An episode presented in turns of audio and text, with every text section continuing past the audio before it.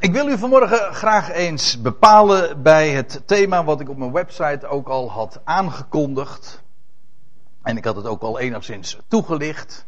Midwinterfeest aan de ene kant en kerst. En het lied wat we zojuist hebben gezongen is een aardige introductie in deze. Omdat het te boek staat als een kerstlied. Maar feitelijk is het een lied dat herinnert aan het midwinterfeest. En ik weet dat dat laatste, dat midwinterfeest, de reputatie heeft een heidens feest te zijn. Maar ik wil u vanmorgen toch iets anders laten zien.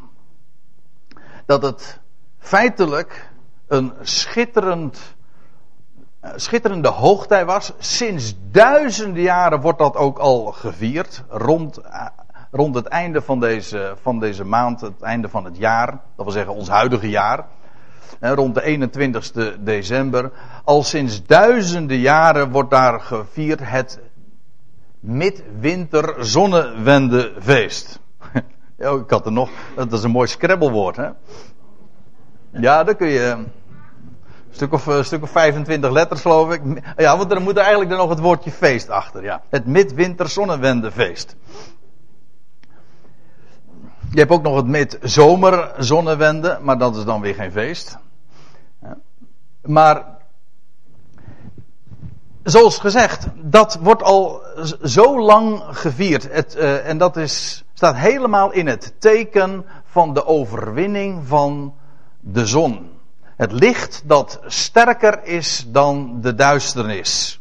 En dat is een, een, een heel logisch fenomeen. Weliswaar hebben wij daar misschien in onze tijd met zoveel kunstlicht en elektronica. We staan zo veel verder van de natuur af dan alle generaties die aan ons vooraf gegaan zijn. En zeker in vroegere tijden leefde men heel dicht bij de natuur. Dus werd men daar ook veel meer bij bepaald. Namelijk dat sinds de 21 december de dagen weer langer gaan worden. En men noemde, dat dan ook wel de herrijzenis van de zon.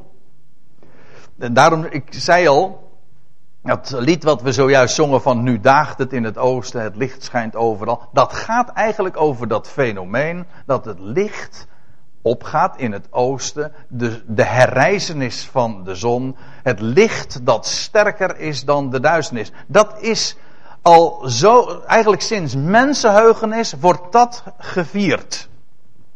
Dat de dagen langer worden en dat de,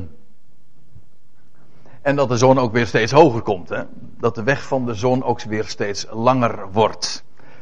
En daarmee is dit feest, dat altijd eh, rond dit tijdstip eh, wordt gevierd, logisch, want het is de 21 december die het precieze keerpunt markeert.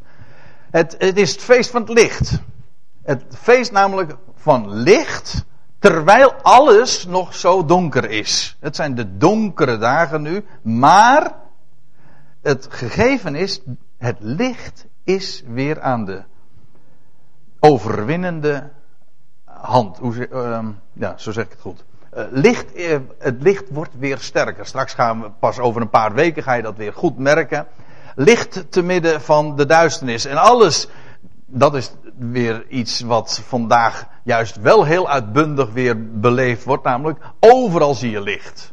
En als, en als je in sommige straten komt, trouwens ook bij sommige, in sommige tuinen, dan, dan, dan denk je wel eens ongelooflijk zeg. Wat je allemaal niet uit de kast moet halen om, om dat dan te vieren. Maar het is mooi. Als je, als je weet waar het voor staat. En dat is het hele verhaal met, dit, met al die deze dingen waar we het over hebben. Als je weet waar het over gaat, is schitterend. Je kunt natuurlijk wel lichtjes in de tuin ophangen.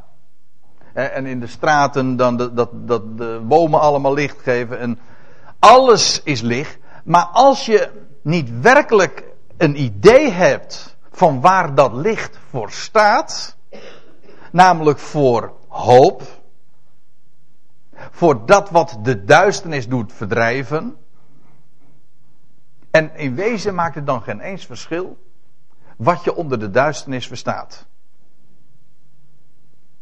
Dat is alles waar het licht ontbreekt. Ja, licht te midden van de duisternis. En trouwens, We hadden het er al eventjes over, over de I'm dreaming of a white Christmas. Feitelijk is, waarom is dat nou de ultieme uh, kerstdroom? Hm? Waarom, om, om die, die witte kerst? Nou, omdat die, als het uh, feest gevierd wordt van het licht dat sterker is dan de duisternis, als dat feest dan bovendien nog eens een keertje bedekt wordt door, de, door sneeuw, hè, alles licht maakt, zelfs, in, zelfs als het dan donker is, dan is het toch nog wat licht. Nou, eigenlijk die de, dat sneeuw dat, onderstreept de betekenis van dat licht. Daarom is dat dat ultieme um, kerstgevoel, zullen we maar zeggen.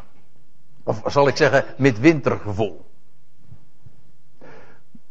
En daarom, ja, uh, licht, warmte en de knusheid daarmee laat ik op nog iets anders wijzen. Het is niet alleen dat licht, maar in samenhang daarmee ook nog het leven.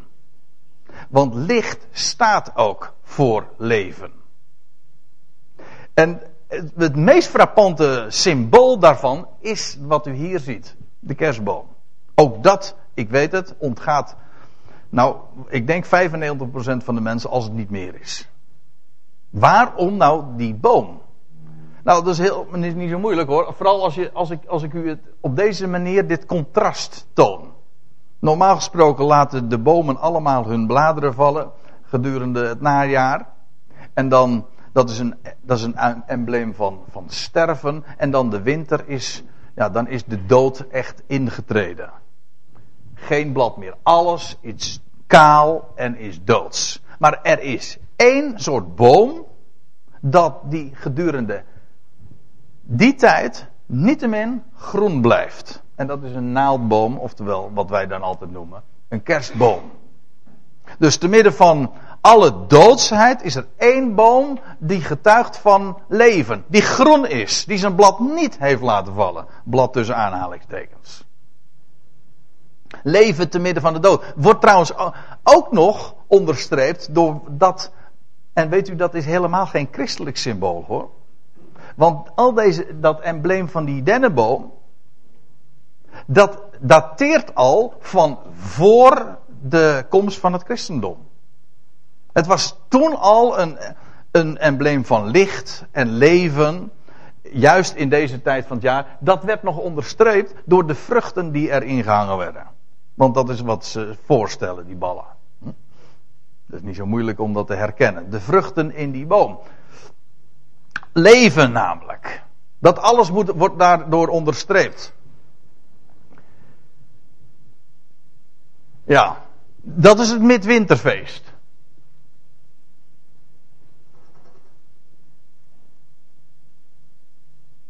Ja. Nou wil ik u wat vertellen over, die, over dat hele fenomeen van de kerstening. Want wat is er dan gebeurd met dat midwinterfeest? Nou, ik zal u eens wat voorlezen uit uh, de encyclopedie. Dat wil zeggen de tegenwoordige bekende encyclopedie, de Wikipedia. Daar, daarin vond ik bij kerst en midwinter het volgende. Ik zal het u voorlezen en daar waar nodig uh, wat toelichten. Er staat, in de vierde eeuw zorgde keizer Constantijn de Grote, dat was de keizer die het christendom officieel tot staatsgodsdienst maakte, uh, zocht, uh, zorgde de keizer Constantijn de Grote en de bisschoppen van de uit vervolging bevrijde vroege kerk ervoor dat kerstmis op 25 december zou worden gevierd. Dat is dus uh, vanaf die tijd dateert de kerstviering.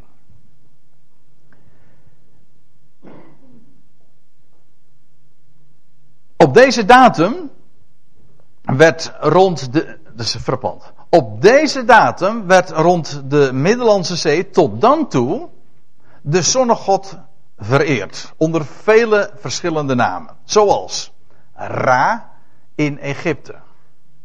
En Helios, dat betekent zon, in Griekenland. En in het late Romeinse Rijk was dit vooral de zonnegod Sol Invictus. En dat betekent de onoverwinnelijke zon. Ziet u? Die 25 december, daar wordt, daarvan wordt gezegd, op deze datum werd tot dan toe altijd al een feest gevierd.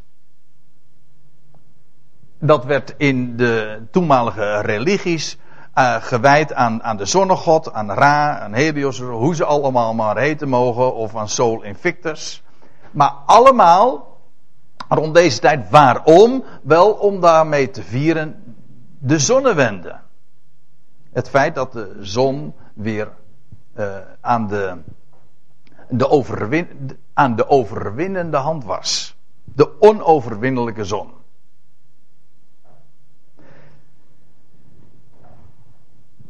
De encyclopedie vervolgt, omdat Jezus het licht van de wereld genoemd werd. Kijk, dat is een Bijbels element.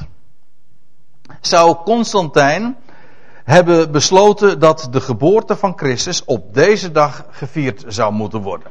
Als je louter dit uh, bekijkt, dan zou je zeggen, nou dat is een, een bijbelse grond. Maar in werkelijkheid was de reden, en uh, nou lees ik even door, uh, daar wordt er aan toegevoegd, bovendien, en dit feit is invloed, invloedrijker geweest, bij de opkomst van de viering van de geboorte van Christus als kerstmis, waren de dagen rond 25 december reeds de vrije dagen der Saturnaliën. Saturnaliën, dat betekent de feesten rond, of het feest rond de zonnewende. Dat, waren al, dat was al een feest. Dat waren al vrije dagen. En dat feest van midwinter werd dus met recht gekerstend. Dat is een heel mooi woord in dit verband.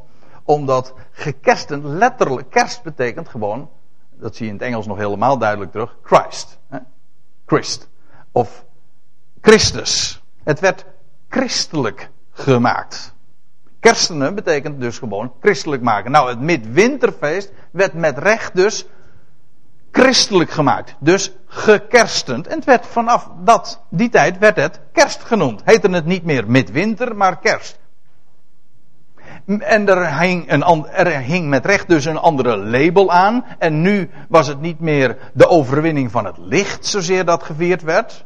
Ja, die gedachte bleef erbij, maar ook de geboorte van Jezus. Op, op, een, met, op een hele vage grond, namelijk omdat Jezus het licht van de wereld is. Dat klopt niet. Daar gaat het even niet om. Maar dat, werd er, uh, dat was het argument, zeg maar het religieuze, het godsdienstige argument dat Constantijn daarvoor aanvoerde. Maar de wortels van kerst gaan dus uh, die, die gaan veel dieper, dat wil zeggen, die gaan veel verder terug en die zijn allemaal ontleend. En die wortels die, gaan, die zijn allemaal gegrond in die bodem van dat wat er in de natuur plaatsvindt. Het licht dat sterker is dan de duisternis. En ik weet wel, men, in, juist in de, in de christelijke wereld, en met name trouwens in de protestantse wereld, wordt er nogal afgegeven, ook op uh, het, uh, op het heidendom en op het midwinterfeest. Maar eh, omdat dat heiden zou zijn. Maar men realiseert zich niet wat er werkelijk aan de hand is. Dat kerst een heidensfeest is. Dat wil zeggen, en dat bedoel ik niet eens negatief. Maar gewoon, het was het feest van de, de zon die weer sterker werd. De zon, het licht dat overwint. En het feit dat Constantijn de Grote daar een, uh, dat gekerstend heeft, maakt dat kerst tot een Bijbelsfeest. Nou, met de kerstening van het midwinterfeest werd de Bijbelse geschiedenis met trouwens nog veel meer menselijke verzinsels gemixt. Het is, laat je niet door de romantiek en door de mooie liedjes en door de sfeer zand in de ogen strooien. Ik heb niks tegen romantiek tegen lekker eten, tegen feestvieren, tegen lichtjes. Prachtig allemaal. Maar daarmee zou je niet de Bijbelse waarheid verwarren. Want eh, dat als men zegt, bijvoorbeeld, of men zingt, midden in de winternacht, daar gaan toch al die liederen over. Daarom heb ik zoveel moeite met de. Ik, ik, ik ben helemaal niet dogmatisch daarin met het zingen van liederen. Of tegen kerst. Maar ik heb, ik heb het, uh, ik had het al eerder tegen André al gezegd. Ik heb dat, de lijst van liederen eens nagegaan. wat we zouden kunnen zingen rond deze tijd van het jaar. En eh, bijna alles valt af. Als je het gewoon tegen het Bijbels licht houdt. Ik kun je niet zingen. En dat, dat gaat over de meest uh, bekende kerstliederen al. inderdaad, midden in de winternacht ging de hemel open. Nou, ik moet u vertellen, dat, dat is een verzinsel die, is een, die ooit in het brein is gekomen van Constantijn, van de, eh, Constantijn de Grote, of in elk geval de mensen om hem heen. Daarvoor bestond dat niet. In de Bijbel vind je dat nergens.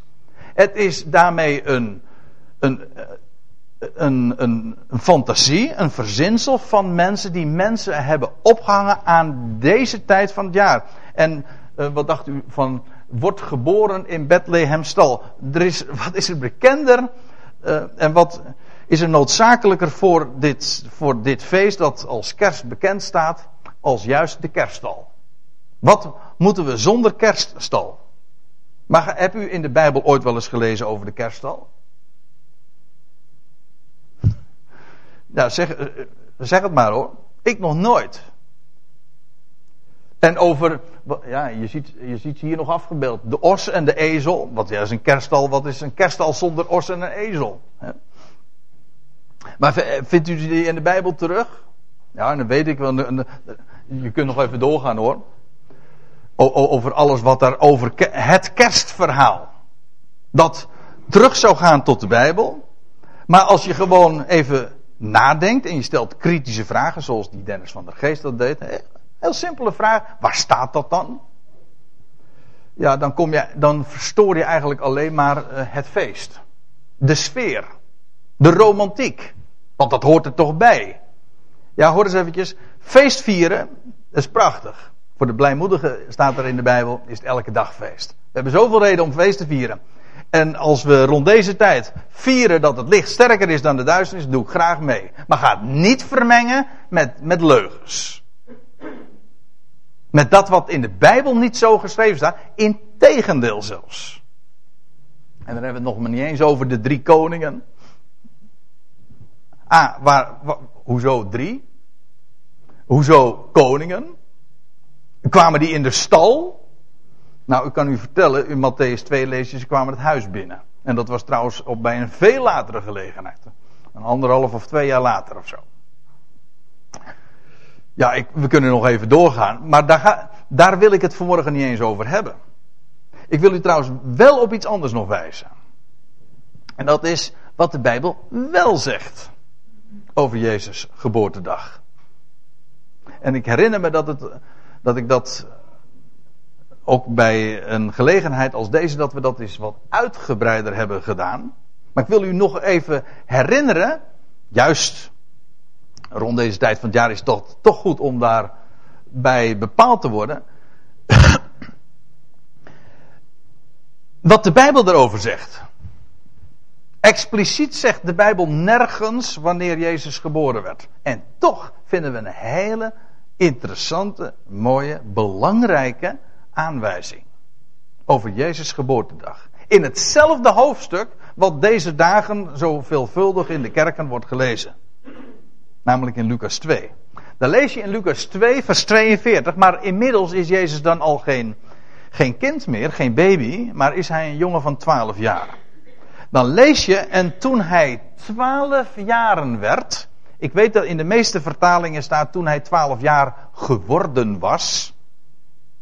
Maar dat staat er niet. Er staat letterlijk toen hij, dus de Heer Jezus, 12 jaren werd, gingen zij op naar het gebruik van het feest. En dan gaat het over het Pascha.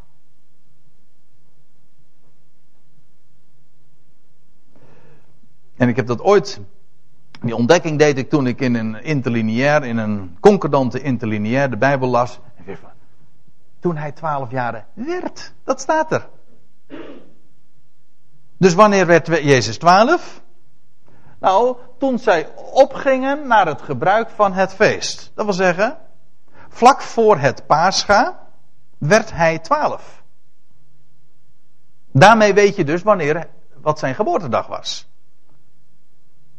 toen zij opgingen naar het gebruik van het feest.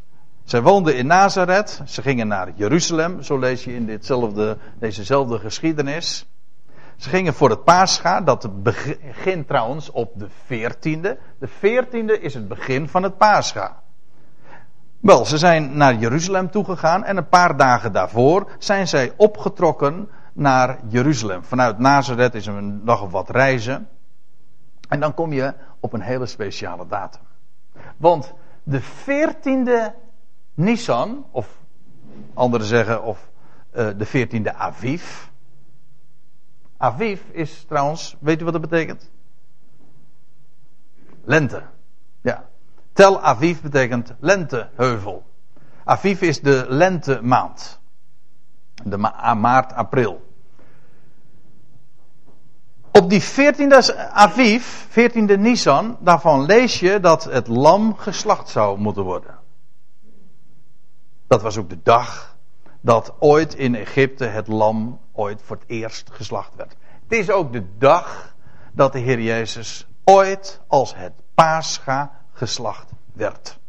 Deze dag stond al duizenden jaren van tevoren vast op Gods kalender van hoogtijden. Zo bijzonder. Afijn, toen Jezus 12 jaar was, zijn, ging hij voor het eerst mee naar het. Nee, toen hij. Nou zeg ik het zelf verkeerd. Toen hij 12 jaar werd, trokken zij op naar Jeruzalem. En dus daarmee weet je wanneer hij geboren is. Dat is vlak voor het Pascha geweest. En dat is frappant, want dat zal, ik zal wat vertellen. Want van de tiende Nisan, dus dat is vier dagen daarvoor, lees je al in Exodus 12 dat dan het lam, dat de veertiende geslacht zou worden, in huis genomen moest worden.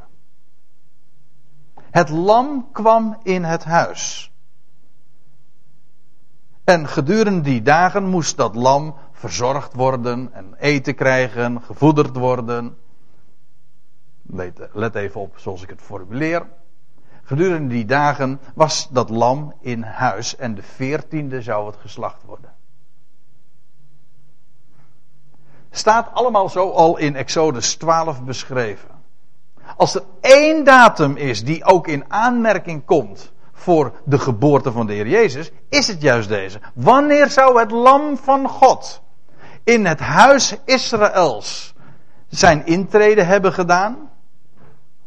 Welke datum komt daar meer voor in aanmerking als juist de tiende Aviv? Wel, laten we juist van die tijd, vlak voor het Pascha, lezen dat Jezus toen daadwerkelijk twaalf jaren werd. Dat maakt het zo frappant ook, wat je eerder in Lucas 2 leest, namelijk wat tegen de herders gezegd wordt. Want dan wordt tegen hen gezegd, dat wil zeggen door de hemelse boodschappers. En dit is u het teken. Gij zult een kind vinden, in doeken gewikkeld. En staat er liggende in een kribbe. A. Dat is een teken omdat dat niet erg gebruikelijk is. Maar het wordt een teken genoemd. Uiteraard omdat het een betekenis heeft. Dat kind dat ligt in een kribbe omdat het geacht wordt een, de associatie met een lam, die ligt er duimen dik bovenop. Het is een voederbak voor, voor, een, voor een lammetje of een stuk kleinvee. Hij werd gelegd in een kribbe. Dat was het teken. Nou, als je dan even inderdaad verder leest in het hoofdstuk dat Jezus toen in die tijd ook daadwerkelijk 12 jaar werd dan vallen de stukjes zomaar op zijn plaats. Daar blijft het trouwens niet bij. Want deze tiende Nisan. Uh, en je rekent dan vervolgens de tiende Nisan. Dat was dus de dag dat de Heer Jezus geboren werd. En je rekent dan vervolgens acht dagen verder. Dan kom je uit op, als je de tiende gewoon meerekent. Dat was de eerste dag. De elfde was de twaalfde. En dan is de zeventiende de achtste dag. En dat was de dag dat hij Staat er ook in Lucas 2 bij vermeld. De dag dat hij besneden werd. De 17e Nisan. En ik herinner me dat we de vorige keer, twee weken geleden, nog die datum hebben genoemd in een heel ander verband. Herinnert u zich nog? Het is de dag dat ooit de ark vaste grond kreeg. Op de Ararat, toen de vloek werd omgekeerd. Dezelfde dag. Maar ik moet natuurlijk op iets uh, veel belangwekkenders wijzen. En dat is de, de 17e Nisan. Dat is de dag. De, de datum dat de Heer Jezus opstond uit de doden. De 17e Nisan. Dat was de dag ook bovendien. Ton van de eerstelingsscharven. Ah. Er hangt zoveel nog mee, mee samen. Het is zo'n bijzondere dag. En direct of indirect komt dat altijd weer terug in het hele Bijbelse relaas. Die 17e Nisan. De, de, dag dat Jezus besneden werd. En waarbij ik moet zeggen, de besnijdenis is een prachtig embleem van het wegnemen van het oude, maar het onthullen ook van het nieuwe. Van nieuw leven. Vandaar ook dat het een teken is juist aan het mannelijk lid. Dat, dat is een embleem van, van opstanding en van nieuw leven. Nou ja, dat is, weer, dat is weer een verhaal apart. Maar het gaat er maar eventjes om dat als je eenmaal ziet dat de Heer Jezus inderdaad twaalf werd vlak voor het paascha, dan komt er één datum daarvoor in aanmerking en dat is de tiende Nisan. De dag dat het lam in huis genomen werd. En als je de dingen dan bij elkaar brengt, dan wordt het allemaal zo glashelder, want dan wordt hij inderdaad besneden, uitgerekend op de dag dat hij later, 33 jaar later, zou opstaan uit de doden. Of duizenden jaren eerder de ark vaste grond kreeg op de Ararat. Of de dag dat de eerstelingsscharven werd aangeboden bij God.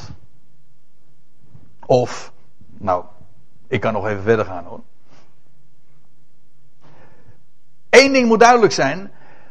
De Bijbel spreekt wel degelijk over de geboorte van de Heer Jezus. En zelfs noemt ze indirect, geeft ze een aanwijzing wanneer dat geweest is. En dan worden we niet bepaald bij, bij de tijd uh, eind december, maar worden we bepaald bij het Pascha. Eigenlijk is alles, dat zie je ook al in Lucas 2, alles staat al in het teken van het feit dat hij het lam van God is. Hij ligt, dat is het grote teken voor de herders. Let op, voor de herders. Die de schapen weiden. Het grote teken voor de herders was dat hij ligt in een kribbe. Hij is namelijk het lam van God. En er staat er nog iets bij. En, gij, en dit zei u het teken: gij zult een kind vinden. In doeken gewikkeld en liggende in een kribbe. Nou, over dat laatste hadden we het zojuist al even. Maar wat dacht u hiervan? In doeken gewikkeld. Dus, waar, moet u dan aan denken, in doeken gewikkeld? Ik denk aan wat daar later plaatsvond. Op die 17e Nisan. Wat lees je dan? Van Petrus en Johannes. Dat ze het graf binnen gingen. En wat dan staat er van. En hij, Simon Petrus, ging het graf binnen. En wat zag hij? Die zag hij de winsels liggen. Dat wil zeggen. Hier was hij ooit bij zijn geboorte, toen hij als, kwam als het lam van God, dat geboren werd om te sterven. Om op de 14e Nisan geslacht te worden. Ja, toen was hij ingewikkeld. Met dank aan uh, de dubbelzinnigheid van dat woord. Hè. In, hij was ingewikkeld in de banden feitelijk van de dood. Vast ingewikkeld, dat is, dat is in wezen, dat is wat, dat is heel, ons hele bestaan, is ingewikkeld. Heb je daar ooit zo over nagedacht dat ons bestaan, waarom is ons bestaan zo ingewikkeld? Nou, dat heeft alles te maken met het feit dat we zondaren en stervelingen zijn. Maar wat, er dan, wat je leest op, op de 17e Nissan, toen de steen werd weggerold, wat liet hij achter? Dat waar hij ooit bij zijn geboorte was ingewikkeld. De winsels. Liet hij achter. Vrijheid. Bevrijd, zoals dat staat in, de, in het boekje Zaaia, bevrijd van de banden van de dood. Die had hij achter zich gelaten. En daarmee zie je dat als je goed kijkt naar het geboorteverhaal van de Heer Jezus, dat alles al in het teken staat van Pascha. Het Pesach, dat hij zou komen om te sterven, om geslacht te worden. En op gedurende datzelfde Pesachfeest trouwens ook zou opstaan uit de doden en de doeken, de winsels, definitief eens voor altijd achter zich zou laten. Dat liet hij achter in het graf. Want ze zeggen wel eens een keer van het graf was leeg. Dan zeg ik ja, goddank. Maar het graf was niet helemaal leeg. Wat, wat lag er nog? Nou, de winsels. Die had hij achter zich gelaten. Dat was eens voor altijd voorbij. De banden van de dood. De 17e Nisan. De dag dat hij ooit dus ook besneden was. Ziet u hoe al die dingen bij elkaar, zo in elkaar grijpen. En als je het Bijbels licht dus laat schijnen op die geschiedenis van zijn geboorte, dan word je bepaald niet bij eind december, maar in de maand van Aviv, van de lente. Bij de dagen dat hij van het Pascha. als we de, de geboorte van de Heer Jezus herdenken, dan moet je juist aan die tijd denken. In die tijd richt, uh, op die tijd richt de Bijbel juist alle schijnwerpers. En dan gaan we maar helemaal voorbij aan, aan Johannes de Doper, die een half jaar eerder was geboren, zes maanden eerder. Dan kom je weer in een feestmaand terecht. Hm? Dan kom je in de maand Tishri, de, de zevende maand. Ja, u, ziet mij nu aarzelen. En, u, en, u, en als u goed kijkt naar in mijn ogen, dan ziet u mij nou denken van zal ik er wat over vertellen. Maar dat doe ik nu niet. Want ik wil nu nog wat even verder gaan. Want weet u, ik wil nog uh, uiteindelijk misschien wel het allerbelangrijkste nog zeggen. Nu aan het, aan het einde van deze, van deze studie wil ik u wijzen op, op het allerbelangrijkste. Als we het hebben over deze dingen. Kijk, we hebben het gehad over, over midwinterfeest. Over de viering van het licht dat sterker is dan de duisternis. Waar niets mis mee is, dat is een bijbels gegeven. Hoe de, de kerstening ook een verdraaiing is geweest van de bijbelse waarheid. Waardoor allerlei elementaire bijbelse waarheden feitelijk onder een bedekking gekomen zijn. En dan kan de hele wereld nu al wekenlang, zeg maar, helemaal in de sfeer van kerst zijn. En, uh, en, en uh, over, de, over de winternacht en over de kerststal zingen. Uh, men het ontgaat hen compleet wat er in de Bijbel over geschreven staat. Maar nou nog iets. Kijk, de liederen die deze dagen gezongen worden. Ik geef één voorbeeld. Hè. Komt alle tezamen. Prachtige melodie trouwens. Er staan ook schitterende dingen in, daar gaat het me niet om. Maar dan is het, komt alle tezamen jubelend van vreugde. Uh, komt nu, oh komt nu naar Bethlehem. Maar, nou even iets anders. Hoezo naar Bethlehem? Volgens mij heb je dan echt een update nodig. Daarom heb ik het ook zo genoemd. Paulus update. U weet wat een update is, hè? Ja, dat moet ik eigenlijk even vertellen voor degenen die niet zo vertrouwd zijn met computers. Wie zijn dat nog, hè, broeder Frederiks?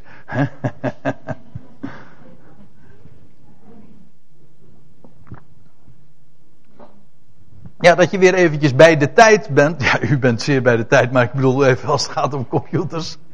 Eh, dat je weer even helemaal uh, weet van, waar gaat het nou eigenlijk over? Als je zingt, um, uh, komt nu, oh, komt nu naar Bethlehem, dan suggereer je daarmee dat hij nog steeds is, komt laten wij aanbidden de, het kind in de kribbe.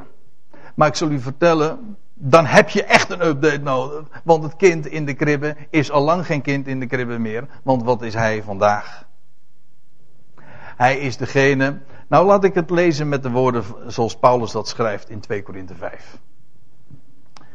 Hij schrijft dit. Let op wat hij, zoals hij het formuleert. Zo kennen wij dan van nu aan niemand naar het vlees. Ik zou hier graag een hele vette uitroepteken bij willen plaatsen. Weet u wat, wat hier feitelijk staat? Dat is, wij kennen elkaar als geestelijke familie, broeders en zusters, mensen die hem mogen kennen. Maar in het algemeen, wij kennen van nu aan niemand meer naar het vlees. Dat wil zeggen, Paulus zegt daarmee, wij kijken niet meer naar de mensen zoals we ze zien, naar hun verleden, naar hun uiterlijke verschijning. Wij kijken naar de mensen niet zoals ze zich naar het vlees aan ons voordoen, maar met de ogen van God. Zoals Hij ons ziet. Namelijk volmaakt. Wat we zijn in Hem. Het heeft niets met onze prestaties of wanprestaties, onze teleurstelling, want de mens stelt teleur. Toch? Doen we allemaal. Maar we, zo kijken wij niet naar elkaar. Paulus zegt, zo kennen wij van nu aan niemand meer naar het vlees. Nou voegt hij er iets aan toe, wat juist in verband met het onderwerp waar we het vandaag over hebben, zo belangrijk is. Hij zegt, indien wij Christus al naar het vlees gekend zouden hebben, thans niet meer. Als Paulus zegt, als zou ik hem, die ik ken als, en predik als de Christus. Christus is trouwens de titel die speciaal hoort bij het feit dat hij de opgestane is. Hij werd geboren en hij kreeg de naam Jezus. Toen hij opstond, werd hij door God tot de Christus gemaakt. Dat wil zeggen, gezalfd. Gezalfd met geest en leven. Ja, daarom de Christus. Hij zegt, indien wij hem, indien wij Christus al naar het vlees gekend zouden hebben. Er is geen enkele aanwijzing in de Bijbel dat, dat Paulus Jezus heeft gekend. Maar Paulus zegt, als ik hem al gekend zou hebben naar het vlees. Zoals hij hier rondwandelde op aarde. Hij die geboren werd hier in Bethlehem, of hier, die geboren werd in Bethlehem en die zijn weg zo ging en uiteindelijk stierf daar even buiten de poorten van Jeruzalem. Hij zegt, als we hem zo al naar het vlees gekend zouden hebben, thans niet meer. Nu niet meer. Inmiddels is namelijk de situatie compleet veranderd. En Paulus vervolgt dan, zo is dan wie in Christus is, een nieuwe schepping. Het oude is voorbij gegaan. Zie, het nieuwe, dat is gekomen. En Paulus spreekt hier dus over het feit dat de Christus, degene is die is opgestaan uit de doden op de 17e Nisan, weet u al. En die leeft. Die een compleet nieuwe schepping aan het licht heeft gebracht. Waarin de windsels achter zich, uh, in het graf achter zijn gebleven. Waarin de dood is overwonnen. Wat compleet nieuw is. Waarin alles wat oud is. En wat met het oude ook te maken heeft. De zonde. De vergankelijkheid. De ijdelheid ziekte. Nou, alles wat daarmee verband houdt. Wat feitelijk niks anders dan uitingen zijn van het oude. Van de dood. Van de winsels. Dat wat ons bestaan dus zo ingewikkeld maakt allemaal. Wel, dat is allemaal in hem voorbij. Hij is opgestaan uit de doden. En weliswaar nu ontrokken aan het oog. Maar daar is hij. En in hem zijn wij een nieuwe schepping. Wij weten, ik bedoel, ja, wij mogen dat weten. Hoe, vaak denken we eraan trouwens? Het is het meest belangrijke feit wat je hier maar kunt realiseren. Namelijk dat je in hem een nieuwe schepping bent. Maar hoe vaak kijken we elkaar weer aan, of jezelf aan in het vlees, naar dat wat je ziet in de spiegel, of daar waar je mee geconfronteerd wordt als je jezelf weer teleurstelt, dan ken je jezelf weer naar het vlees. Zo, dat, dat sluipt er zo gemakkelijk in. Dat, dat is namelijk onze ervaringswereld. Maar het feit is, en dat is waar het om gaat, we, Christus is de opgestane. En in hem zijn wij een nieuwe schepping. En daarmee ligt ook de, het, lot van de schepping, van de hele schepping, in hem verankerd. En is gegarandeerd. Hij is de eersteling en alles wat in Adam sterfelijk is, dat zal in hem worden levend gemaakt. Zonder enige uitzondering. En zonder dat je er ook maar iets aan kan doen, Dennis van der Geest. Denk ik dan. En ik zou het tegen iedereen willen zeggen. Echt, daar hoef je niets voor. Daar kun je ook niks doen. Dat is juist de blijde boodschap. De blijde boodschap is juist, je kunt er helemaal niks aan doen. Je hoeft er dus ook helemaal niks aan te doen. Dat is juist het machtige feit. Het is gewoon zo. Of je het nou gelooft of niet. Dat is het evangelie. Daar kan dus ook nooit iets stuk aan gaan. Daar kun je niks van, daar, kun je, daar hoef je niks aan toe te voegen omdat het compleet is. Maar je kunt het, dat is machtige, je kunt er ook helemaal niks van afdoen. Dat is het evangelie. Laat u niet in het, eh, met een kluitje in het riet sturen, met iets wat daar ook maar wat van afdoet. Want als je er namelijk iets van afdoet, heb je alles. Dan mis je namelijk alles. Ja. Christus naar het vlees? Nee. Wij gaan niet naar Bethlehem toe. Waar is hij dan nu? Nou, ik wil u nog één eh, vers voorlezen. Of, of een, uh, een tweetal versen. Of drietal versen. In Colossense 3. Dat is het laatste Bijbelgedeelte waar ik graag nog naartoe wil.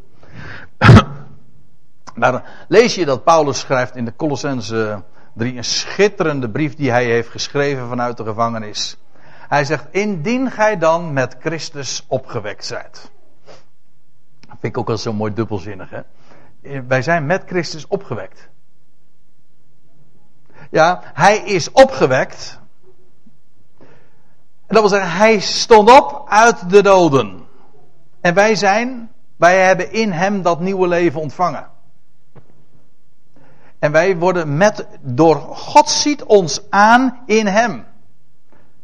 God ziet ons nu al zoals we straks zullen zijn. Indien gij dan met Christus opgewekt zijt, en dan staat erbij, zoekt de dingen die boven zijn.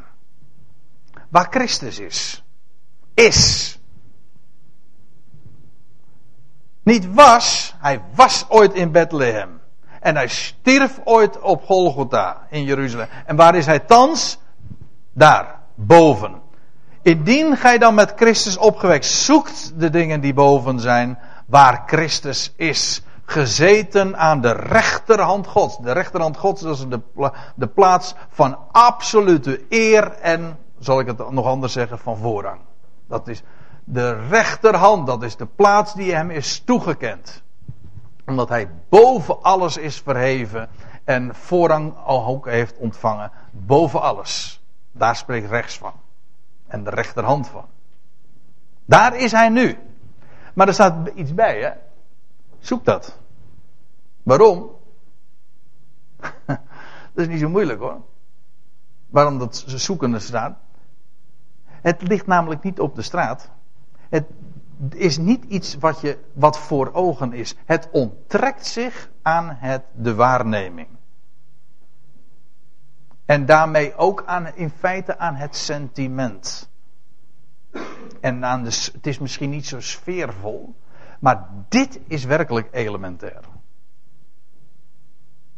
Hij is daar nu boven, ontrokken aan het oog. En als je je wil realiseren wie hij is, wat hij tot stand heeft gebracht, dat zou je zoeken. Dan moet je niet in de, dan moet je niet in de spiegel kijken, dan moet je niet naar elkaar kijken, dan moet je niet in de krant lezen, dat vind je niet op het journaal. Nee, dat staat, dat is gesproken. God heeft daarover gesproken en hij heeft ooit zijn apostel daarvoor uitgezonden om dat in de heidenwereld bekend te maken. Die machtige waarheden, die allemaal, dat wat verborgen is. Daarom heet het ook het evangelie van de verborgenheid. Onder andere daarom heet het ook de verborgenheid. Het onttrekt zich aan het oog. Dat zou je zoeken. Dat is het enige wat werkelijk van belang is. Wat je leven trouwens nu ook inhoud geeft. En dan staat erbij, bedenkt de dingen die boven zijn, niet die hier op de aarde zijn. Kijk, we staan met onze beide benen gewoon hier op de aarde. Maar onderwijl met onze hoofd in de wolken, zal ik maar zeggen. We bedenken dat wat boven is. Waar Hij is. De opgestane. Degene in wie ook de toekomst vast ligt. Want daar, staat, daar gaat het ook nog over in het, in het vervolg. Dat, dat is niet eens meer wat ik hier heb afgebeeld. Want daar staat in, in vers 4 nog, wordt eraan toegevoegd. Als Christus straks verschijnt, die uw leven is, zult ook gij met hem verschijnen in heerlijkheid. Hij is daarboven. En wij bedenken dat wat hij allemaal aan het licht gebracht heeft. Gij zei, want gij zijt gestorven en uw leven is verborgen. Ons echte leven, waar het werkelijk om gaat. Wat ook stand houdt. Dit wat we hier zien, dat houdt geen stand. Dat is sterfelijk, vergankelijk. Maar dat wat echt tot stand, wat uh, tot stand gekomen is en stand houdt, dat is dat hij is opgewekt. En met hem hebben wij dat nieuwe leven ontvangen. Dat is verborgen, dat is waar. Daarom zoeken we het ook. Maar dat is ook wat werkelijk ons leven zin, inhoud geeft. En wat ons ook werkelijk opgewekte mensen maakt. In de dubbele zin van het woord. Levend in, in, in, met een oog naar boven, want daar hebben we het eh, van te verwachten. En ook een leven met een glorieus perspectief, waar ook werkelijk de duisternis compleet zal door worden verdreven. Dat wil zeggen, het licht overwint. En dan zijn we dan toch weer terug bij de tijd van het jaar. Amen.